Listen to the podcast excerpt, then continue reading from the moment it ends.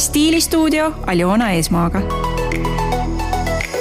see projekt oli mulle kuidagi hästi hingelähedane mm -hmm. ja siis äh, sealt kuidagi see nagu kasvas, see nagu, ma lõin selle logo mm -hmm. ja see kuidagi äh, kõnetas mind väga ja siis ma hakkasin äh, oma selle teise kraadi ajal nagu sellele baseeruma mm. -hmm. ja tänasel päeval see ei ole tegelikult mitte mingit moodi seotud äh, puuetega inimestega mm, -hmm. aga see näitab lihtsalt minu nagu tolerantsust ühiskonnas võib-olla represseeritud inimeste mm -hmm. vastu et äh, me oleme kõik võrdsed äh, no matter if you are black or white uh, mm, -hmm. straight or gay ja nii edasi.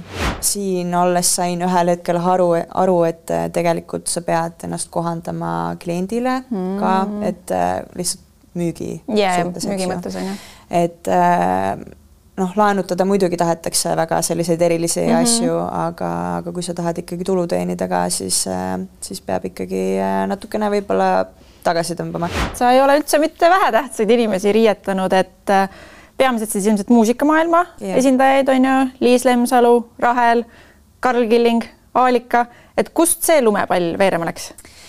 Äh, tegelikult see oligi siis, kui ma tulin Eestisse tagasi mm -hmm. ja tol hetkel ma tegelikult mõtlesin, äh, kuna ma olin päris tükk aega ära, eks ju, ja EKA tausta mul ei olnud mm, -hmm. siis äh, ma tundsin kuidagi, et ma pean nagu täitsa nullist alustama mm. -hmm. krediiti otseselt ei pea mm -hmm. taga ajama. küll aga just äh, kui me räägime tasudest, mul on selline mm. tunne, et äh, et selles osas küll on nagu ei saada päris täpselt aru, kui oluline on mm -hmm. stilistikaamet, kui oluline on artisti kuvand.